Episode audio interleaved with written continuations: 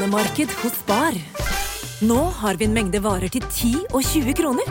Hele denne uka får du løbiff fra Folkets før 54,90, nå kun 20 kroner. I tillegg får du et utvalgt Vasa knekkebrød, før fra 1690, nå bare 10 kroner. Alltid tilbud på noe godt. Hilsen oss i Spar.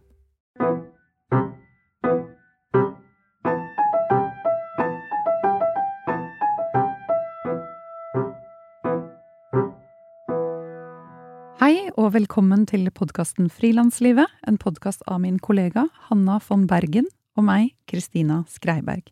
Vårt mål med denne podkasten er å være en faglig og inspirerende kanal for alle dere som jobber for dere selv i medie-, kunst- og kulturbransjen. Ukens annonsør er regnskapsprogrammet Fiken. Både Kristina og jeg har brukt Fiken i mange år, og det er fordi Fiken gjør det enkelt å føre regnskapet selv. I Fiken så kan jeg nemlig sende fakturaer, ta bilde av kvitteringer med Fiken-appen, jeg kan levere moms og næringsoppgaven, og jeg kan gjøre alt fra samme sted. Det gjør frilanslivet mitt lettere, rett og slett. Vil du prøve Fiken gratis i 30 dager? Gå inn på fiken.no. Samtalen du nå skal høre, ble gjennomført under et arrangement som vi var så heldige å få være med på, på Vega scene, i samarbeid med Merfilm. Vi var med på en spesialvisning av den kritikerroste filmen Gritt. Og i etterkant av filmen så har vi da denne samtalen, og ettersom den er gjort i en kinosal, hvor vi har mennesker rundt oss, rommet er stort, jeg er litt gira, så er alt litt annerledes, jeg snakker litt fort, lyden er litt blikkboksaktig, men vi håper du har stor glede av intervjuet.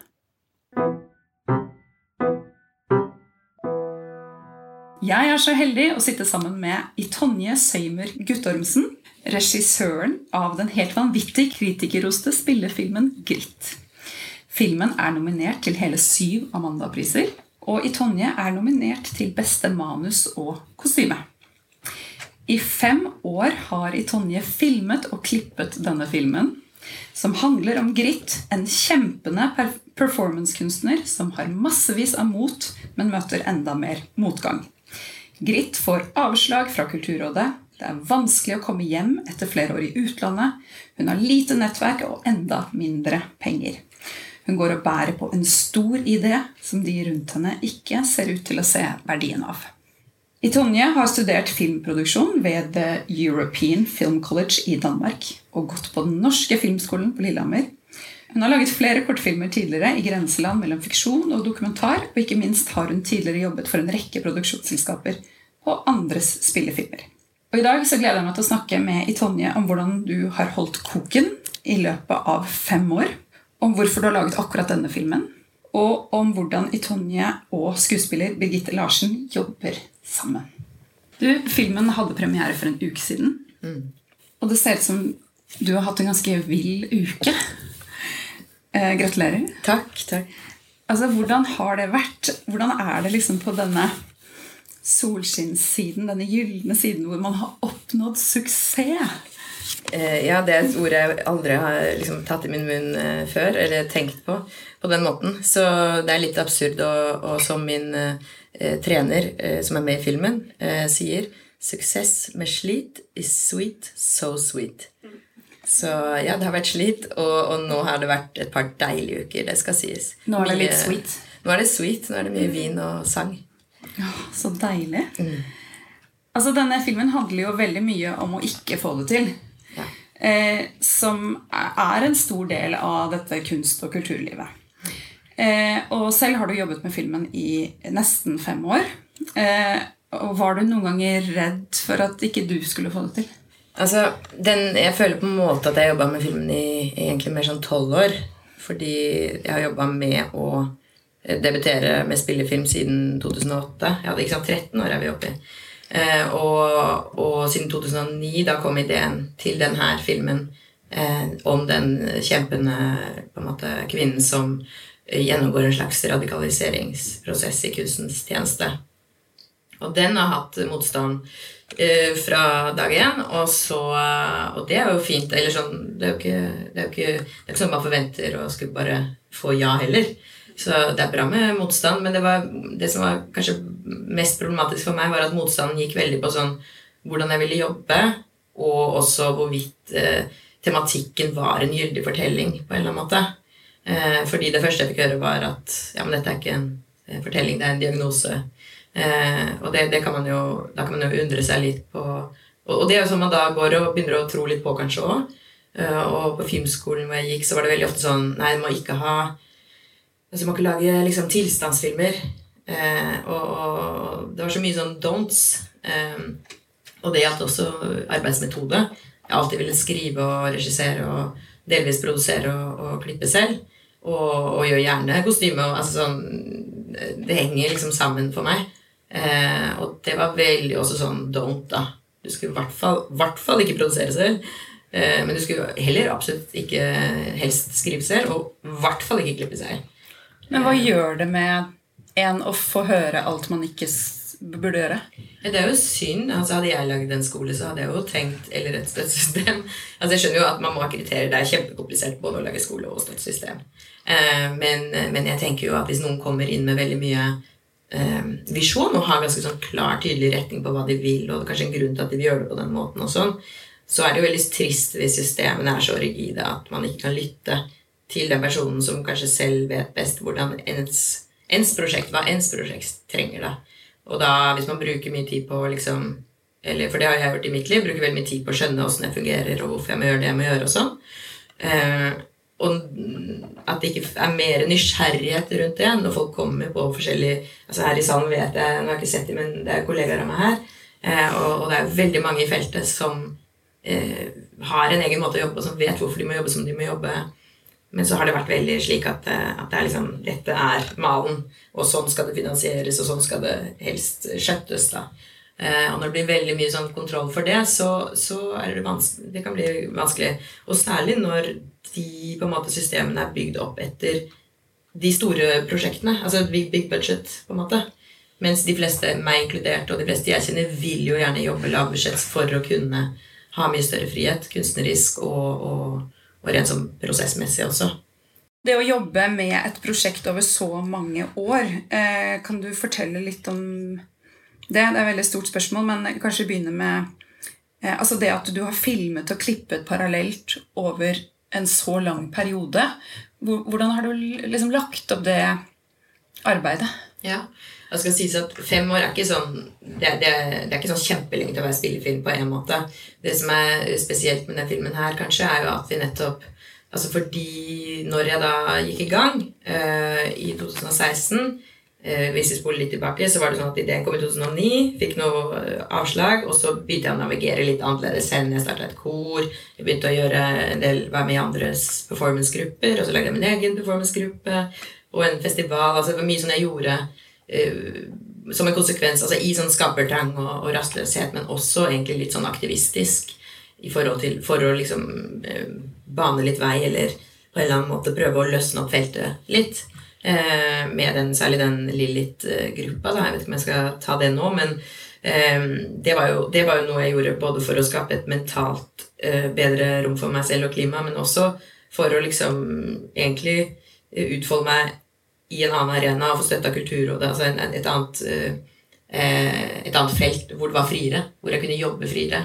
Eh, så når jeg da i 2014 på en måte gikk tilbake til filmfeltet og fikk støtte til Retrett, som det er kortfilmen som Grit eh, bygger videre på, Da, da, hadde jeg, da, var det fordi da søkte jeg sånn kjempelite penger, 500 000, og, og, fikk det. Og med litt sånn Ok, dette er et høyrisikoprosjekt. Det ble liksom da. Eh, Sånn at eh, Og da, da, da, Allerede da la jeg opp til en sånn prosess hvor jeg da jobba eh, altså maks tre opptaksdager i uka, helst bare to. Og, og, at jeg klippet i veldig jeg hadde også maks tre uker etter hverandre. Så det blir jo egentlig bare seks opptaksdager over tre uker. Og så da gjerne tre uker fri. Eh, og så eh, klippet jeg sånn tre uker, to måneder av, fire uker, tre måneder av, Eh, det var fordi jeg jobba på Kulturelle skolesekker, jeg skrev en master og gjorde et annet prosjekt. Så det liksom dikterte klippefasen. Men det ble veldig sånn nøkkelen for meg, fordi det ble da, da, fant jeg ut hvordan jeg vil jobbe med klipp. For det, det med fravær, altså det å ha helt sånn intense perioder, og da drar jeg som regel til et kloster, eh, et arbeidskloster, og jeg liksom vet at nå er jeg her i tre uker, og så pakker jeg opp klippebordet mitt, og det samme gjør jeg når jeg skriver, i og for seg. Eh, og, så, og så er jeg der, og så jobber jeg intenst og helt sånn avlukka fra verden og jeg er inne i den verden. Og så, og så rører jeg ikke materialet eller ser ikke på det i det da lange fraværet. Og det er i det fraværet for meg at ting oppstår. Så jeg, jeg, gjør veldig mye for å slippe å komme i en posisjon hvor jeg må sitte og jobbe pressa. Altså hvor jeg må sitte og jeg, jeg prøver å legge opp hverdagen min sånn, arbeidshverdagen, at jeg alltid lengter etter å jobbe fordi jeg har vært fraværende. Og sånn ble jeg også da Grit til, fordi da Grit begynte med at jeg fikk 50 000 i eh, Nei, først fikk jeg faktisk manusstøtte av Ragnhild Tro. Det stemmer. Så da hadde jeg et år egentlig hvor jeg kunne skrive den ut. Altså, det er ikke, manusstøtte er ikke nok til et års opphold, men så hadde jeg kunstnerstipend i bånn. Så da ble det liksom nok. Og da skrev jeg det ut. Og så jeg satt jo ikke og jobba et år heller. i og for seg, Jeg jobba jo bare de tre ukene, og så lenger bort også. Men da, Og så fikk jeg da av Gunhild Lenger, som kanskje er her i salen, eh, som satt da i eh, Viken, en, eh, et fordypningsstipend. Altså jeg fikk du ikke av henne, da, men av Viken. Eh, og det var 50 000, og da eh, Filmen begynner jo i New York, og jeg tenkte NFI vil aldri støtte en film som begynner i New York av en spillefilmdebutant. Eh, så da dro jeg bare og filma eksteriørt for de 50 000. Vi hadde med oss en fotograf. Eh, og Birgitte og jeg. Og bare Hun hadde akkurat slutta å amme, og det var veldig sånn vi hadde, bare, vi hadde bare penger til å ha de der bare i fem dager. Og, og, og, da var det basert på at jeg, året før, når jeg var der, så hadde jeg møtt en fitness witch.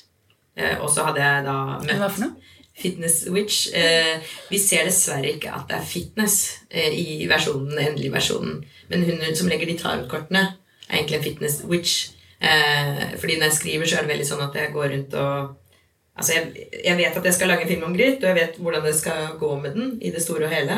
Men så er det de små Altså alle situasjonene er sånn jeg liksom bare veldig sånn Å, oh, ja, det, ja. Mm, inn sånn. Og eksempel da når jeg var i New York, hadde jeg skjønt altså I mai 2016 så var jeg på en norsk-amerikansk kulturfestival, litteraturfestival, hvor da Karl Knausgård og Joakim Trie snakka om eh, skandinavisk melankoli. Eller de snakka om da, sitt eget prosjekt, jeg tror. Eller så var det jeg som har dikta at den het skandinavisk melankoli, da, men uansett. Og da tenkte jeg, hvis jeg var gritt og så det her nå, så eh, For disse flotte, flotte mennene som snakker sånn flott engelsk og sånn, eller i hvert fall Joakim snakker veldig bra engelsk, da vil jeg liksom Da vil jeg surne litt inni meg. Det var før metoo og alt, så det var den der kontrasten mellom to menn som har så sinnssykt ordet, og har så peil og er så i blomstring og er så i høyden. Og så da Grit som, som står og liksom oh, eh, krymper seg eh, av mange grunner der. Så, men i hvert fall da, og når jeg var der da, så var jeg også samtidig tenkte jeg veldig fort ah, brr, The Living Theater, de bor også her. For de hadde jeg vært borti før når jeg hadde vært i New York. Og så tok jeg kontakt med de og Brad. og så han som hun snakker med, og så hadde jeg litt møte med han, og så var jeg sånn Å, shit, jeg må jo prøve noe vilt. Og så datt jeg inn med en sånn uh, heksebutikk, og så så jeg et visittkort hvor det sto The Fitness Witch. Og så ringte jeg henne, og så kom hun og hadde en time med meg med litt sånn reiki og tarot og spruta litt rom på meg. Og, og, og, så gjorde vi squats og pushups. Så da skjønte jeg liksom en så veldig flott og deilig kombinasjon av Da jeg gikk opp i lyset med Da hadde jeg ennå ikke begynt å trene hos Sjukat selv. Så det der med heksing og fitness eh, var ikke, helt, var ikke logisk for meg at det hadde en sammenheng, men nå har jeg skjønt det. Så, det fins kanskje bare i New York? eller? Ja, det sprer seg sikkert brått hit. da. Det er sikkert noen som nå får ta på seg det. Det fikk jeg veldig lyst til å prøve. Kalla til å bli en fitness switch coach. Ja, anyone. Ja, ja. Jeg kommer. og så blir det alltid i Norge at det blir ikke så bra som i New York. Fordi man, Det er jo da typisk noen som har hatt en time der også. Men det får vi jo leve med. Ja, Kanskje ikke en utdannelse for fitness-witching. Kanskje ikke. Men det var spora helt av. Men det jeg skulle si var at det, det handler om å, å, å, gjøre det så gøy som mulig. Da holder man ut. Og, og putte gøye ting inn i filmen. Gøye folk. Eh, sånn som jeg jobber, så jobber jeg jo som om jeg må leve det litt selv også. Det er jo gøy, og, og også ikke alltid så bra. Eh, og så er det det med å strekke det ut. Strekke det skikkelig langt ut, sånn at man aldri stresser, presser, forserer. Jeg syns jeg har lagd denne filmen her i et så utrolig behagelig altså Det har vært så deilig for meg å lage den. Selv om det har vært hardt arbeid. Det skal sies. Men, men hardt, altså, sånn, hardt arbeid Man elsker hardt arbeid. Hardt vært. Men det syns jeg er så beundringsverdig at du har på en måte tålmodigheten til å la det gå sin gang i det tempoet det skal gå. Og disse tre opptaksdagene per uke, og bare tre uker av gangen. Altså, for man kan jo lett bli utålmodig med sine egne prosjekter. At man, at man bare vil få de ut. Nei. Ja. Ikke, du. Men, Nei, men hvordan klarer du. Ja, altså Det, em, det ble jeg veldig inspirert og fascinert av. Altså Man må jo være utålmodig sånn at man får lagd de. Altså Man må være utålmodig til en viss grad at man liksom til slutt bare faner eller nå, nå gønner jeg på. Som jeg gikk jo i gang før vi hadde fått støtte. Altså jeg fikk, Det var en Eirik Svensson, er det han heter? Jeg er så dårlig på etternavn.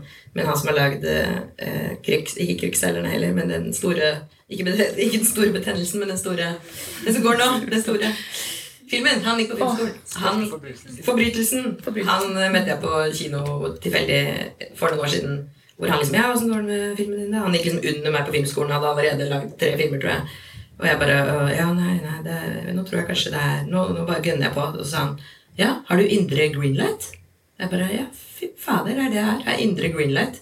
Og da bare gikk For det, det Hva betyr det? Nei, at du har gitt, i, I filmbransjen bruker man noe som heter greenlight. Det er sånn nå er det good to go. Nå er pengene på plass. Nå, nå gir vi green light. Jeg vet ikke hvem som sier Ja. det, produsenten eller NFI. eller Det skjer på et eller annet tidspunkt. Men så sa han til meg sånn Har du indre green light? Og jeg bare ja.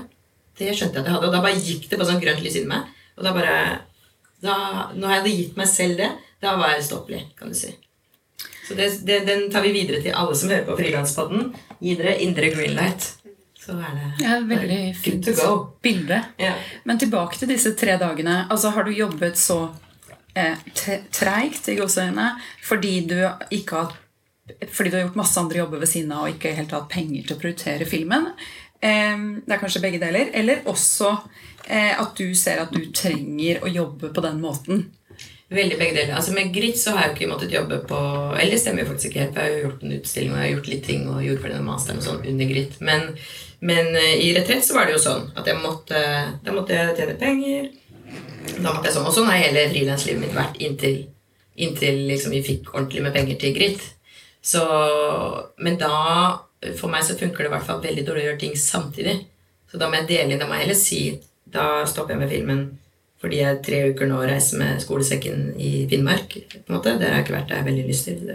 Reklame til. Veldig lyst til å dra med skolesekken til Finnmark.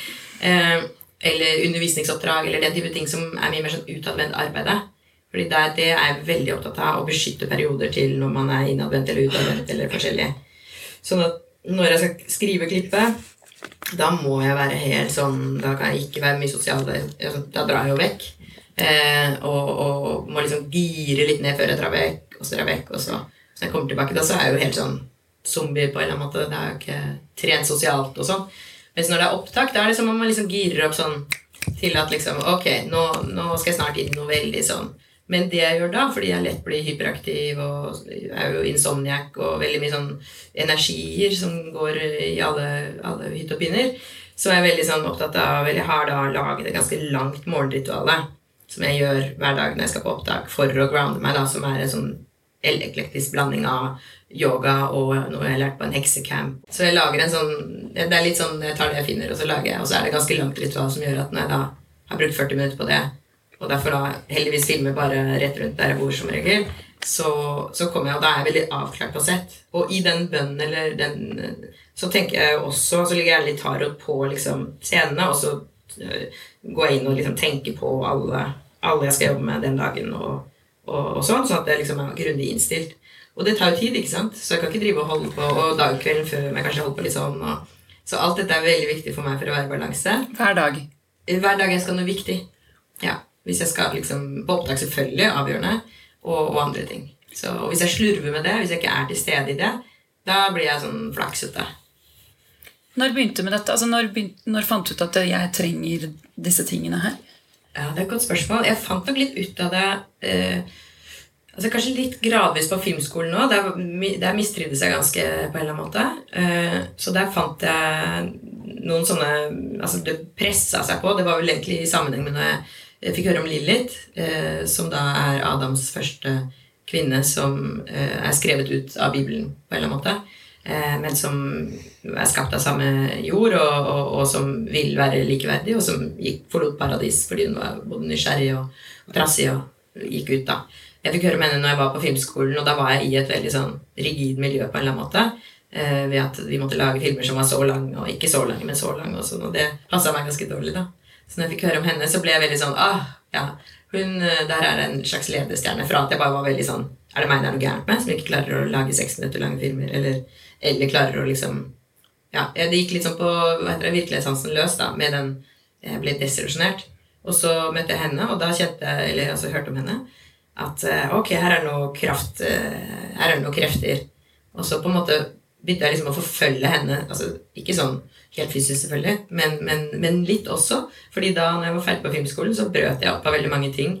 Og så hadde jeg noen år hvor jeg da ble med i andre venners kunstprosjekter osv. Og, så eh, og så levde jeg ganske sånn vilt, egentlig, i to-tre år med sånn ja, Reiste og flakka rundt og var med på det og sa ja til ting. og altså, veldig sånn eh, Vips var jeg hist her, og det var også da i den fasen at jeg fant et sted som heter PAF utenfor Frankrike som står for Performing Art Forum, som er et sted grunnlagt av en eh, koreograf, nederlandsk eh, eldre koreograf. Så han kjøpte et gammelt kloster. Så ville han egentlig samle dansefeltet i Europa, men det ble til at veldig mange andre kunstnere og andre slag og mye filosofer nå er der og kan være der, og du leier deg inn, og så er du der. Og der var det jeg på en måte skjønte hvordan jeg skulle ivareta meg selv som skapende menneske. Fordi det var ingenting på filmskolen som ivaretok det, og, og før det var jeg veldig sånn workaholic. altså rett fra jeg gikk ut av videregående, så begynte jeg å jobbe på filmsett, og jeg syntes det var kjempegøy. og jeg tok noen fag på Blindern og lagde min første kortfilm. Jeg jobba veldig hardt, og jeg festa veldig mye. Og jeg, eh, jeg, kjørte meg selv veldig hardt. Så det å komme på filmskolen først var veldig deilig, for da slapp jeg det minste å jobbe andre steder. For jeg hadde alltid liksom mange jobber og mange ting. Eh, men det var likevel det var ikke så mye der som på en måte liksom likevel ivareta det skapende legemet på en eller annen måte. Men jeg var på pass, Nei, Man lærer jo ikke det noen, ja, man lærer det altfor lite. Altså, man vet jo når man er barn, for det, det er jo egentlig handler bare om å være et barn. på en eller annen måte. At du, at du følger fantasien og sansen og, og, og, er litt sånn her. Eh, så sånn ble jeg da etter en, Sånn ble, tillot jeg meg å være noen år. Og da også for eksempel, så lagde jeg noe som het autistisk metode for stedspesifikk følsomhet. Det er jo en del av filmen. Også en del av de der, liksom, ideene jeg trengte for å Jeg også starta et kor med ambisjon over evne, var liksom taglinen som handla også om å frigjøre. Eh, altså, sette, altså, bare synge det vanskeligste og viktigste, men, men null liksom null grunn til å, eller sånn, uh, hva heter det, kriterier for å gjøre det bra. Så, så, jeg tror jeg bare trengte å komme ut av den derre det kontrollerte, sikre Og i parallelt til på filmskolen så kom det mer og mer sånn derre Eh, det kom mye sånn kontrollorganer inn i NFI. Vi skal kvalitetssikre mye sånne ord som gjorde at alt ble liksom bare mer og mer sånn. Mens inni meg så ville jeg bare altså Da ble jeg også mer og mer uh, trassig på en eller annen måte. Så, men så er jo den friheten og den trass og det har jo også en bakside. Og, og vips, så har man jo liksom dratt litt langt, og, og, og da kan det jo komme, komme mørkere tider. Så, så, etter noen år så i det Men jeg fant veldig mye i de årene hvor jeg var litt sånn Eh, åpen for livet og fri og vill og barn, barnlig, rett og slett. Så, og, og, også Men det er klart, ja, man blir jo man blir blakk av sånt. også. Ja. Ja. Ja, du sa før vi gikk inn at du Hva var det? Foreldrene dine lærte at man ikke ja. trenger å ha penger? Nei, ja, ja, på en måte. Altså, jeg tror for, for min overlevelse som frilanser så lenge, så handler det veldig om at jeg er født inn i en familie som før, først de jobba fem år gratis i en antroposofisk landsby, og så var de altså De har bare alltid levd etter drømmer og idealer, og, og, og nå har de Pappa har vært teaterregissør, og mamma er grafisk designer og maler og skriver. Det er veldig sånn og de er veldig eventyrlige, og de, de, har aldri følt at de har vært blakke. Vi var jo sånn når vi bodde på Ski, som vi gjorde eh, store deler av min oppvekst, så bodde vi i rekkehus og hadde aldri penger og sånn, men det, de, de, hadde ikke opplevelse at de ikke hadde penger. Jeg hadde det, for vi var, hadde jo da ikke det de andre hadde. på en eller annen måte. Men, men det jeg lærte hjemmefra, som er kjempeverdifullt, som jeg har skjønt når jeg møter altså venner av meg som har da kommet fra mer trygge rammer, det er jo at jeg i hvert fall er veldig uredd for å ha lite penger. Og veldig sånn at når jeg da Og det, det må man jo stå i veldig som frilanser. I veldig, veldig, veldig mange år eh, må man stå i usikker økonomi. Og kanskje alt, eller mest sannsynligvis alltid. Så er det små perioder hvor det går bedre. Eh, så det å tørre å tåle å være blakk eh, Og der er jeg også fordi jeg bodde i hvert fall fem år i et kollektiv på Kampen, som også er med i filmen. Eh, og der var vi Det var også veldig støttende, fordi når du skal satse på noe sånn vagt som kunsten, og bare du inni deg vet jo hva det er du vil, egentlig, eh, og klarer å se for deg hva det er for noe du, du håper på en vakker dag, så er jo hvis alle rundt deg spør deg liksom Men ja, blir det noe, kan du leve av det, da? Blir det noe av det? Ja, altså, åssen funker det der, da? Altså Hvis du møter det igjen og igjen, så det tærer jo på. Så det at jeg bodde i kollektiv med fire andre som også satsa på kunsten og kulturen, eh, og, og, hvor det var noe vi gjorde, det var utrolig tryggende. Så det anbefaler jeg alle som skal liksom, velge, velge kunsten eller kulturen, så, og kulturen. Um, allier dere med folk, fordi det får man så mye igjen for å gå, å gå, i en sånn sfære. Og så kommer plutselig de andre som skal invitere deg på sånn dyrrestaurant hvor du må betale alt. Eh, ikke sant? Fordi det er Alle spleiser likt. Uh... Ja, ja, ja, det er jo helt forferdelig til tider i sånne situasjoner. Mens også på Kampen, der var det, var det noe det var forståelse for. Så var det at man kom med en, sjokolade, en sjokoladebit. Ikke en hel plate engang. En firkant i bordet, liksom. Uh, I tider man måtte det. Og så kan man jo ta og gjøre det helt motsatt når man har penger. Det syns jeg er deilig. Med de kontrastene. Jeg kan gjerne leve på liksom Stå i butikken og lure på om jeg skal velge liksom, eh, brokkoli eller melk. Eh, og så prøve å tenke hvor mange varianter jeg kan lage av de. Eh, så lenge det bare former for en periode. Og så har jeg penger, så kan jeg gjerne andere champagne, liksom. Ja. Mm, kontrasten er fint. Ja. Det er noe av det fine med dette frilanslivet. Det er veldig fint med frilanslivet. Ukens annonsør er coworking-spacet 657 i Oslo.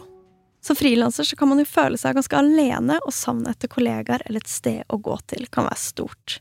Vi vil anbefale å sjekke ut 657, for de retter seg mot oss som er i den kreative bransjen og har masse fokus på community. Akkurat det å ha andre mennesker å spare med når man jobber alene, kan være utrolig verdifullt. 657 de har en egen mentorordning, slik at du kan utvikle deg, de har foto- og podkaststudio til en sympatisk pris, og tilbyr fleksible løsninger for deg som kun trenger et sted å sitte et par dager i uken. Les mer på 657.no.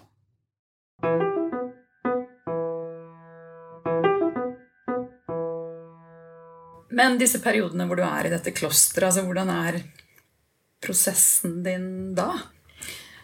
Ja, da, det som er det beste med å være i kloster, er at da er du helt fri til å følge din egen rytme. Og rytme er noe jeg er veldig opptatt av. Fordi eh, skal du være i det skapende og i det liksom i, Og du har en oppgave altså Når jeg drar dit, så har jeg alltid en oppgave. Enten at jeg liksom, enten skal jeg unnfange en idé, eller så skal jeg skrive en idé, eller skal jeg klippe en idé, eller klippe en film. Eh, så jeg, sett, jeg har jo et overordna mål, men så kommer jeg da dit, og så velger man seg et rom, og så innreder jeg det rommet, og så har jeg alltid med en sånn lykketing og noen rare ting. og før hadde jeg alltid med meg sånn enormt mange ting, og masse instrumenter og, og masse bøker. Og sånn. Jeg reiste ekstremt tungt alltid, og reiste veldig mye. Og, men så har jeg lært meg å ha litt mindre, fordi man finner jo som regel mye der. Eh, og det er jo deilig. Men, eh, og da og så liksom lander man, og så går man ned på felleskjøkkenet, orienterer seg med hvem som er der og ikke. Og, og så neste morgen begynner dagen, og da er det som å våkne opp til sånn Det syns jeg er høytid. Det er skikkelig høytid. Da er det sånn og så er det kjempedeilig og helt euforisk i noen timer og kanskje til og med nesten hele den dagen. Ja, kanskje til og med den dagen. Og så kommer tvilen og motstanden. Og den kan være i to-tre dager og er veldig tung. Men da må man bare knakle på, og så, og så er det noe som snur, og så går det bra, og så går det dårlig og bra dårlig og bra. Men grunnen til at jeg liker å jobbe aleine, er jo at jeg tåler veldig godt min egen tvil. Men jeg tåler ikke andres tvil så bra. Sånn at hvis jeg skulle sitte og måtte holde ansikt og prøve å overbevise noen andre om at det kommer til å gå bra. Hvis jeg så at de bare Å, fy fader. Det er når man ser på materialet, eksempel, for første gang. Det er jo helt for jævlig. Det er jo bare døden. Og da må jeg sitte aleine, og så logger jeg alt. Sånn veldig sånn Alle bevegelser og replikker, og bare sitter sånn og gjør det så tørt som mulig. Samtidig som jeg føler masse. Men hvis jeg hadde hatt en aner da, så hadde jeg bare skamma meg, og jeg hadde hatt det så fælt. Og jeg hadde tenkt Nei, jeg kan ikke tenke på hva jeg tenkte, for det slutta jeg med veldig tidlig. Men det syns jeg var veldig grusomt. Så jeg anbefaler andre at det der å Ved å jobbe aleine, så du tåler din egen tvil, og du tåler din egen Altså, ja man, man, vet at, man vet at det er, en, det er en essensiell del av arbeidet, og man må stå i det, men man kommer igjennom. på En måte. En annen veldig god venn sa noe Eller altså en kollega, Kristoffer eh, Metcalf fra regilinja på filmskolen, han sa til meg når jeg drev og jobba med mitt første spillefilmmanus, og jeg bare 'Å, gud, det er så fælt og grusomt', så sa han ja, men se på det som en bøtte med spy. Du, du spyr, og så, ser du, og så må du bare tvinge deg ned i bøtta. Og så må du se ned hva du har spydd, og så må du plukke ut det som, det som du faktisk liksom kjenner igjen eller syns ser litt attraktivt ut ennå. Jeg elsker det. Og det har blitt veldig mye. Det forløste veldig mye for meg. For da bare skjønte jeg ja, det som er dårlig nå, kan bli bra. Og, og sånn er det med den her. da, Da har jeg holdt på å klippe i, i to-tre år, liksom. Så er det jo veldig ille for meg når jeg viser det fram underveis i fasen. Men da har jeg blitt såpass voksen at jeg tåler det, da. Men Før klarte jeg aldri det. Men, eller da bare ble jeg helt knust. Mens nå, når folk kommer ut litt sånn her Veldig ofte viser jeg til gode kolleger, og de vet åssen det er. Og de vet også at det er ikke bra før det er ferdig. Altså det er ikke bra før det er bra. Og før det er det bare veldig selsomt og rart. Eh, men, eh, men, men, det lønner seg. Jeg viser jo til andre etter hvert i prosessen og tar inn andre. Så det er ikke sånn at det er bare å meg, meg, meg, meg. Men lenge beskytter jeg veldig prosessen. Men er det noe du gleder deg til å dra til dette klosteret? Mm. Eller er det også litt sånn å, Nei, bare gleder meg nå, så gleder jeg meg vel Eller nå har jeg ikke kunnet det for lenge, men nå gleder jeg meg til første anledning. Det har det aller best i sånne klostre. Og så er jeg glad i Det er ikke det at jeg ikke er glad i andre og, og fest og moro og, og livet selv, men, men, for meg er det liksom Da trives jeg, som, da trives jeg helt enormt mye. For da går jeg, og hver dag er helt spontan. Bare diktert arbeidet. Ja, det høres nydelig ut. Men jeg tenker det skal også mye tillit til seg selv. Og hester og instrumenter der. Altså, det er ikke sånn at det ikke er noe Det er ikke helt stille. Det er ikke kirkeklosser. Vi snakker ikke om et kloster med nonner. Men det, det, det, krever mye selvtillit. Si. Ikke selvtillit, men tillit til sin egen ja. prosess og skaperkraft og idé og ja. tvil og alt det der for å stå i det. Ja, det og gi det rommet. En sånn overdreven dose. Jeg har alltid hatt enormt stor tillit til egne ideer. Og, og til, men jeg har vært dypt dyp tvil om jeg kom til å realisere det noen gang. Det har jeg vært. Og, og, eller om jeg kom til å liksom gå under før den tid. Men jeg har alltid hatt en sånn barnlig, tåpelig, overdreven tro til egne ideer, og at det syns jeg har noe å komme med. Så, så, så bra. Ja, og det tror jeg er litt sånn viktig å si òg, for det er sånn skammelig å si òg. Men uh, det er sant. Så hvis man har det litt sånn, det skal man bare Nydelig. på. Jeg tror ikke det har noen sammenheng med hvorvidt man har gode ideer. Altså sånn, Det trenger ikke å ha, men jeg tror man trenger troa på det. Ja, og da blir jo noe av det Fordelingstid. Ja. ja. For det som sin prøve, men det er jo noe ja. annet. på en måte. Eller man har det gøy. Altså, ja, ja. Eller man ja. gjør sin gjerning. da. Ja. Man gjør det man skal. Man følger sin, sin vei. Ja. ja. Ja, veldig, veldig spennende. Um,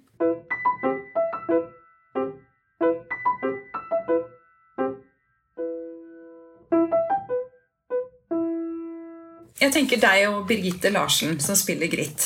Som også spilte Grit i kortfilmen 'Retrett'. Jeg har lest at dere møttes på et pledd i Sofienbergparken i 2009. At dere møttes egentlig før, men på det pleddet, så etter det så har dere vært i hverandres liv i tykt og tynt. Og Birgitte er ikke en tilfeldig castet skuespiller, men hun er medskapende både som samtalepartner, manusleser og eh, som medregisserende. Stemmer det? Ja. Hun eh, er veldig Gritt har liksom oppstått mellom oss. Så det ikke, hadde ikke vært Gritt uten Birgitte. på en måte. Eh, hun kroppsliggjør Gritt og, og, gjør alltid noe annet enn jeg hadde sett for meg. Og det er også veldig deilig. Så jeg, det var veldig deilig å kjenne at Jeg syns alltid det var vanskelig det med altså det der å gi sånn veldig sånn konkret regi og prøve å liksom skape det man har sett for seg i hodet, og prøve å kaste det man har sett for seg i hodet. og sånn, Det syns jeg var vanskelig. Men uh, mens med henne, så hun, Hvis jeg sier 'gå dit', så går hun jo dit. Så jeg sier, altså, det er ikke noe vits uansett. Hun er en vill katt. Eller hun er ikke så vill, men hun er i hvert fall en katt. Så, og hun vet litt sånn hva Gritt vil gjøre? Ja. Altså det er, det er opp til Gritt, eller? Ja, altså det er opp til, ja, det er opp til Gritt. ikke til Birgitte. Ja. Men det er opp til Gritt, ja. Eh, fordi sånn som jeg vet jo på en måte hvem Gritt er fra det er nok, Gritt er jo skapt på en måte mer av min smerte enn Birgittes smerte i, i, livet. på en eller annen måte. Og så er hun jo eh, mer et produkt av min fantasi enn Birgittes fantasi sånn, i forhold til hvem, hvor hun kommer fra er, og, og, ikke minst hvor hun skal, kanskje. Men er, personligheten er det Birgitte som virkelig gjør. Fordi jeg tror hvis jeg, Nå har jeg snakket mye om dette i det siste, så jeg har liksom begynt å tenke litt på det. At, eh, nei, Jeg klarer ikke å skille det fra Birgitte heller, men Men det, er, det hun gjør med Grit, er jo helt uh, vilt og fantastisk og, og noe helt egenarta. Og måten hun får til den der eh, balansen mellom det utrolig sånn Ja, nesten besatte, men også, også sårbare og, og, morsomme og odde og corny. Så, så hun er eh, det, det, er et fantastisk samarbeid. Og det er veldig sånn, Mange har jo sånn enten en produsent de er veldig nær, eller en fotograf de er veldig nær. Så jeg har jo, Det ikke at jeg ikke har det, men men, altså, eller manusforfatter kanskje er mest vanlig. At man har en at man er veldig nær, eller men for meg er det jo liksom Grit jeg er mest nær i produksjonen, og Grit som Nei, Birgitte, mener jeg. Som har liksom eh, kjørt løpet lengst med, da. Eh, og det er gøy at det er en skuespiller, tror jeg. Så i en sånn prosess, altså i en sånn prosess skal jeg til å si, men i disse årene som har gått, hvor, hvor, hvor mye snakker du og Birgitte sammen? Altså, Hvor tette er dere? Ja, vi er jo veldig nære. Jeg er gudmor til barnet hennes, så, så vi er mye sammen ellers. Pluss at vi gjorde veldig mye rart sammen i de årene før vi fikk til å lage Retrett. på en måte. Da lagde vi, vi var i New York og lagde en utvandrermovie finansiert av Kvinsdal kommune. Og, og, vi lagde mange andre litt sånn eksperimenter. Pluss at hun er en del av lilletismen, så hun er jo en av de elleve konfirmantene. Eh, så vi er i hverandres liv på veldig mange måter. Bare nevn kort denne konfirmasjonen. Ja. Eh, siden eh, du fortalte til meg der ute, sånn at de andre kan høre det. Ja, Nå husker jeg ikke helt hva jeg sa, for jeg snakka om Lillit i stad. Eh, det som skjedde, var jo da at i 2014 så inviterte jeg da Tida hadde jeg vært besatt av Lillit lenge. Og Lillit er ofte en sånn ensom skikkelse fordi hun er så vill. Ja, hun er så fri og vill at prisen, prisen er på en måte ensomheten. Eller isolasjon, kanskje òg. Og, og galskapen er en mulig skanse for henne. Så da kjente jeg da hadde, Dette var mens jeg bodde i kollektiv, og mens jeg selv også hadde begynt å kjenne meg mer Jeg har nok også vært en ganske sånn Jeg har alltid hatt mye venner, og, og sånn, men jeg har alltid følt meg ganske sånn eh, isolert inni meg og, og fremmedgjort. Og, og, og liksom Også fordi vi hadde litt sånn annen inngang til eh, når, vi, altså når vi, vi, bodde så mange rare steder, og jeg hadde alltid sånn utafor-blikk på en eller annen måte. Men også bare i min egen familie følte jeg alltid at jeg var eh, litt sånn outcast på en eller annen måte. Um, altså ikke, Nå kommer foreldrene mine blir veldig lei seg, men, men, likevel sånn altså, eh, at, eh, Og det tror jeg handla mye om sånn energi og, og, sånne ting å gjøre. Eh, jeg hadde jo helt sikkert hatt en eller annen eh, altså ADHD-diagnose eller noe nå hvis, hvis, jeg hadde vært barn nå i skolen. Eh, mens da når jeg gikk, så var det mer at jeg ble satt litt på gangen og, og, og ble gitt noen andre oppgaver. Altså sånn noen ganger. Men, men, jeg har alltid hatt veldig mye sånn driv og energi, og det gjør at man kan Og, og sånn slåss med gutta, litt sånn aggressiv, og, og da kan man jo bli litt sånn føle seg litt fremmed, da, på en eller annen måte. Så, og da den liksom kjente jeg jo også med Lilith at hun eh, Eller jeg kjente for meg selv når jeg begynte da å bo sammen med fant disse fantastiske menneskene jeg bodde i kollektiv med, og, og, kjente mer og mer at jo, men det går an å, å være liksom et vi, eh, men likevel bevare individualiteten, som alltid har vært veldig viktig for meg. da. Og det går an å liksom kjenne seg For jeg synes ofte i sånn jentekulturer eller vennekulturer så kan det ofte bli sånn man skal være like og veldig enige. Og det er sånn jeg alltid har blitt veldig trassig på. Og da får jeg bare lyst til å liksom vi, vi gjengen vår gjør sånn. Ja, ja uh, og, og, sånn ekskludere, og det, de, det, er oss og ikke de, og sånn. Verst jeg vet. Mens i, i, ja, jo eldre man blir, så møter man kvinner som er sterke, og altså sånn, så kjenner man at eh, det går an å være frie og seg selv og dyrke hverandres egenart og, og anerkjenne hverandre, men, men, ikke trenge å ha de der lenkene. da. Eh, så, så jeg kjente, mer, kjente, meg mer og mer trygg på å ha kvinnevenner på en eller annen måte også. Eller å være et fellesskap. Eh, og da inviterte jeg da disse ti kvinner. Det kunne vært ti andre kvinner. Jeg har ofte tenkt sånn Hvorfor ble det de ti? Det kunne jo vært den og den. Jeg kjenner mange andre som sikkert Men, Hvorfor ble det dere? Ja, ja det var også jeg, litt når jeg caster, og det er de som er foran nesa mi den dagen. på en eller annen måte Det er litt sånn de som faller ned i suppa da. Eh, på en måte Altså som er nærmest da. Eh, men da i hvert fall så søkte vi da, Det het Eden Oslo konfirmasjon. Søkte Kulturrådet om å konfirmere oss i Lillit. I en alder av da 36, eller hva vi var. Og så fikk vi støtte, og det var den første, det var den første eller Jeg hadde vel fått litt støtte til noen sånne Jeg hadde hatt manusutvikling med NFI og sånn, men det var det første liksom, prosjektet jeg fikk sånn ordentlig støtte for, og fra Kulturrådet. Og da begynte jeg å kjenne meg ganske sane, fordi før det så hadde jeg tenkt at liksom her går jeg og har sånn kjempetro på egne ideer, og ingen andre har det. Altså, det begynner å føle deg litt gal etter hvert. da. Ja, Den første støtten den kan ha så mye å si. Ja, Det hadde alt å si. Kulturrådet syns at denne helt sinnssyke ideen Men Jeg syns jo den var litt sinnssyk selv òg, men, men, jeg syns jo den var ganske flott òg. De vil at vi skal konfirmere oss i Lilith. Og så gjorde vi det, og så hadde vi ni måneder lang konfirmasjonsprosess med leir og alt det mamma hadde. Strupesang og eh, mye brygg. Lagde veldig mye brygg. Og så inntok vi da eh, dugnadsuka. Alt dette handla om å bli mer skikka. Altså det var en sånn dannelsesprosess, da. Men du holdt regien. Altså, Ja. ja. Hadde Men du var også konfirmant. Jeg var også konfirmant. Ja. Og så ble det på en måte for meg også en sånn fordi jeg, var så, jeg har alltid vært litt sånn redd for de der hierarkiene. Altså redd for å bli demonisk. Det, det tror jeg handler om at jeg er kvinne òg. At jeg er redd for å være for dominant. Eh, og bli sånn despot og sånn. Som filmregissør. For det er ganske sånn potensielt Kan jo bli litt Og jeg Altså kan man kan bli både høy på pæra og, og despotisk. Mens her, fordi jeg hadde liksom Her var jeg en av elleve. Eh, og de var eh, kraftfulle kvinner. Og jeg kan ikke komme her og her. De var venner, og jeg var bestemt over de. Så det var veldig sånn snik, snikregi. Eh, og den har tatt meg videre. Så nå føler jeg driver snikregi, og at eh, jeg ikke trenger å stå sånn Ja, da så, Noen ganger må man jo peke litt òg, men sånn, si Men jeg føler at jeg legger det mye mer under i liksom planleggingen. Jeg er veldig glad i planlegging og logistikk. Sånn at det, hvordan jeg planlegger settet og, og alt det der, og, og legger opp eh, Ja, og også årsplanen da, i og for seg, og, og sånn. Der føler jeg det allerede er veldig mye regi. Og så kan folk komme og være liksom levende oppå det, da. Så Og fant du liksom formen på den snikregien i dette konfirmasjonsprosjektet ditt? ja, det føler jeg nok når vi snakker om det. tenker jeg det. Mm. Og da tenker jeg liksom alle prosjekter har, eh, ja, har en verdi for, for ferden sin. Så viktig. Og det er sånn når man blir sånn deppa, og, og man kan jo bli riktig så deppa når man er frilanser, og, og mister helt troa, og det, går, det er blakk og Altså, jeg var jo Nå skal jeg være litt ærlig, men jeg var faktisk da Jeg var så nære at jeg var på vei til en jobb som sextelefonist. Eh, altså det var sånn Fordi du får ikke noe jobb heller. Altså, I gamle dager så serverte jeg alltid. Men så Dette var da jeg var sånn 34 eller noe. Så var det liksom Det følte jeg at jeg var så ferdig med. Men så var det plutselig veldig vanskelig å få andre jobber òg. Og så kan man ikke jobbe heller, for man skal jo lage kunsten sin. Så det kan bare være litt man kan jobbe også. Og så var det eneste var det sånn eh, annonse på Finn hvor det var sånn Hva er det de kalte det? Det var noe sånn konsultasjon. Og så liksom tenkte jeg hm, det var litt rar eh, ingress her nå. Og så tok jeg en sjanse og ringte og så bare Yes, eh, yes, yes, it's a very nice office in Carl Berner. Jeg bare ok. Uh, yes, and you talk with the people, mostly men. Jeg bare, ok. And then maybe so, at some point maybe they want to talk a bit sexual.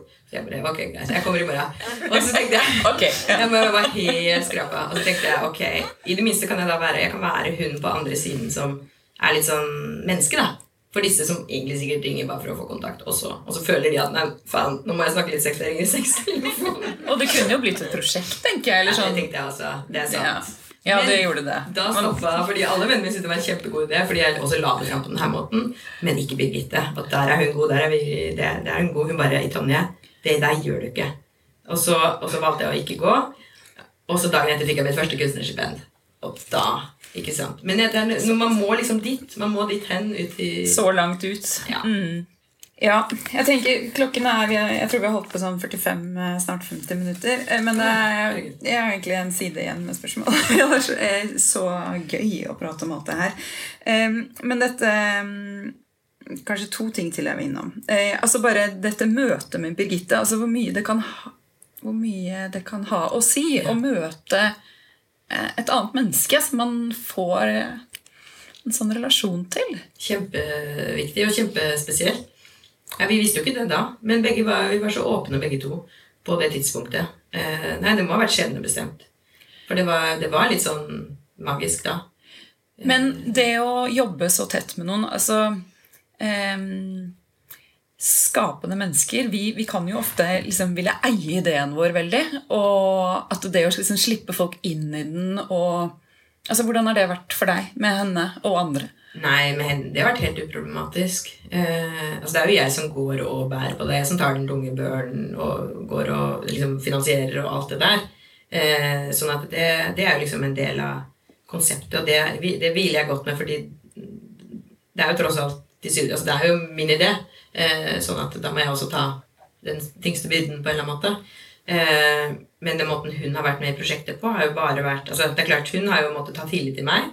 Og så har jo hun heldigvis hun er jo Det er jo veldig heldig med, kan du si, at hun er på Nationaltheatret, og hun har jo vært eh, fast ansatt, så hun har ikke vært avhengig av at jeg eh, skaffer penger til hennes livsopphold. Det hadde vært mye verre hvis det var sånn eh, på den måten. Så igjen, det er mye lettere å leve selv med liksom, sin egen risiko. Men det er veldig, jeg synes det er problematisk å ha andre med i min risiko på en eller annen måte. Sånn på den, i hvert fall, ja. Hun har jo tatt en kjemperisiko med å jobbe, men hun er jo like mye med. Så hun er jo bidragende i den risikoen på en eller annen måte. Ja. Og så bare til slutt, altså Shukat og alle disse andre karakterene som eksisterer og er seg selv, mm. eh, det syns jeg er så gøy. Det, fordi du trener hos han, ikke sant? Ja, ja, ja. Og det, det snudde min tilværelse opp ned. Altså, jeg, som sagt, jeg visste ikke at jeg var interessert i fitness. på en måte, Og jeg er fortsatt ikke interessert i fitness. Det er jo ikke noe interessant ved fitness. Men det er jo noe veldig interessant på tøyen, fitness og kaffe. Eh, og så blir man også mentalt sterk. Eh, og så i dag var jeg jo flytta for en venn. Blitt så, man er så sterk eh, fysisk òg, så man får mer gjort. Eh, så det er veldig Jeg tror som frilanser så er det å ha en sånn ting å gå til. Det var det verste under korona. At jeg ikke kunne gå dit. Fordi uansett hvor mye frustrasjon og Jeg kan alltid gå dit. Og når jeg blir sånn Oslo, elsparkesyklene, jeg må dø. Så drar jeg dit, og så drikker jeg kaffe. Ja, fy fader i helvete, altså. Nå må jeg si det igjen. Jeg kommer til nå fordi dette er min store Nå er jeg bare sånn, nå er jeg ferdig med filmen, nå kan jeg vie meg til det jeg egentlig er ment å vie meg til. Få forbudt elsparkesykler. Så det jeg skal gjøre nå, er at jeg skal få med meg For jeg begynte å ri, eh, så jeg skal få, få med meg riddeskolen min, og så skal vi ri i sentrum mot elsparkesykler. Så kanskje i hvert fall at eh, nå blir litt oppmerksomhet rundt sakene, for dette går ikke an. Her blir det, ja. Så det kan være de siste ordene ble det litt eh, propaganda. Du kan søke Kulturrådet, kanskje? Vi trenger ikke penger for det. Trenger ikke penger. Nei, det kan vi bruke på ordentlig kunst. Dette er ren aktivisme. Å, tusen, tusen takk, Tonje. Det var veldig Nydelig å prate med deg. her på Frilanspodden. Mm, og, og, her på Vega. Og, Vega, mm, og sammen med dere.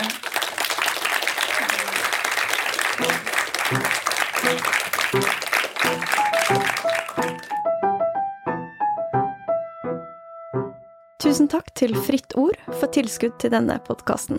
Fritt Ord er en allmennyttig privat stiftelse som arbeider for å fremme ytringsfrihet, offentlig debatt, kunst og kultur.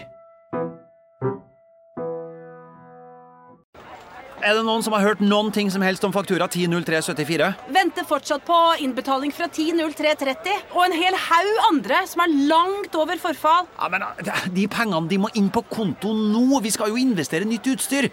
Vent litt og pust med magen.